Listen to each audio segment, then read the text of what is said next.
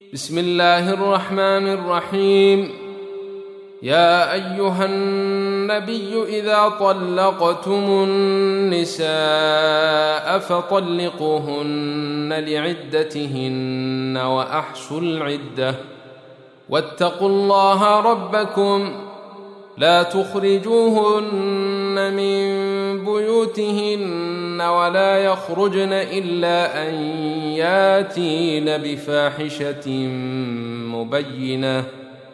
وتلك حدود الله. ومن يتعد حدود الله فقد ظلم نفسه. لا تدري لعل الله يحدث بعد ذلك أمرا. فإذا بلغن أجلهن فأمسكوهن بمعروف أو فارقوهن بمعروف وأشهدوا ذوي عدل منكم وأشهدوا ذوي عدل منكم وأقيموا الشهادة لله ذلكم يوعظ به من كان يؤمن بالله واليوم الآخر ومن يتق الله يجعل له مخرجا ويرزقه من حيث لا يحتسب ومن يتوكل على الله فهو حسبه ان الله بالغ امره قد جعل الله لكل شيء قدرا واللائي يئسن من المحيض من نسائكم إن ارتبتم فعدتهن ثلاثة أشهر واللائي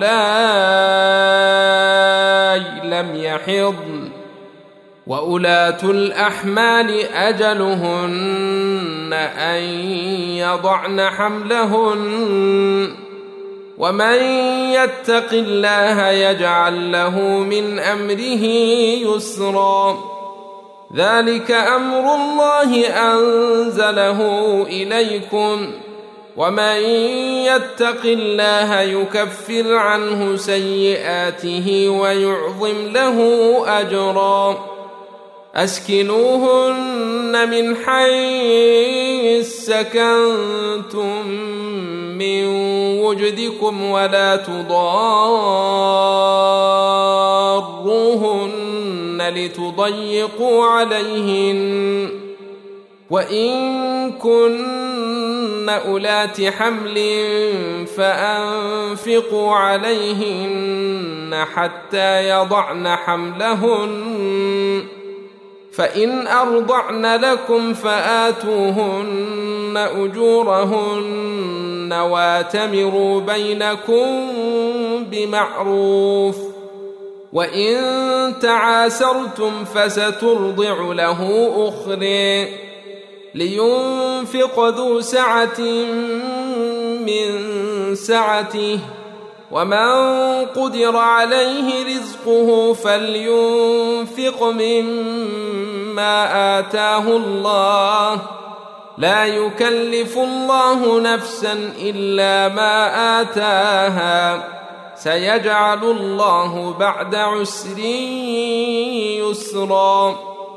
وكأين من قرية عتت عن أمر ربها ورسله فحاسبناها حسابا شديدا وعذبناها عذابا نكرا.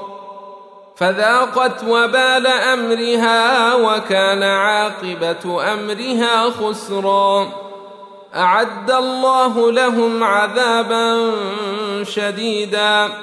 فاتقوا الله يا أولي الألباب الذين آمنوا. قد أنزل الله إليكم ذكرا. رسولا يتلو عليكم آيات الله مبينات ليخرج الذين آمنوا وعملوا الصالحات من الظلمات إلى النور.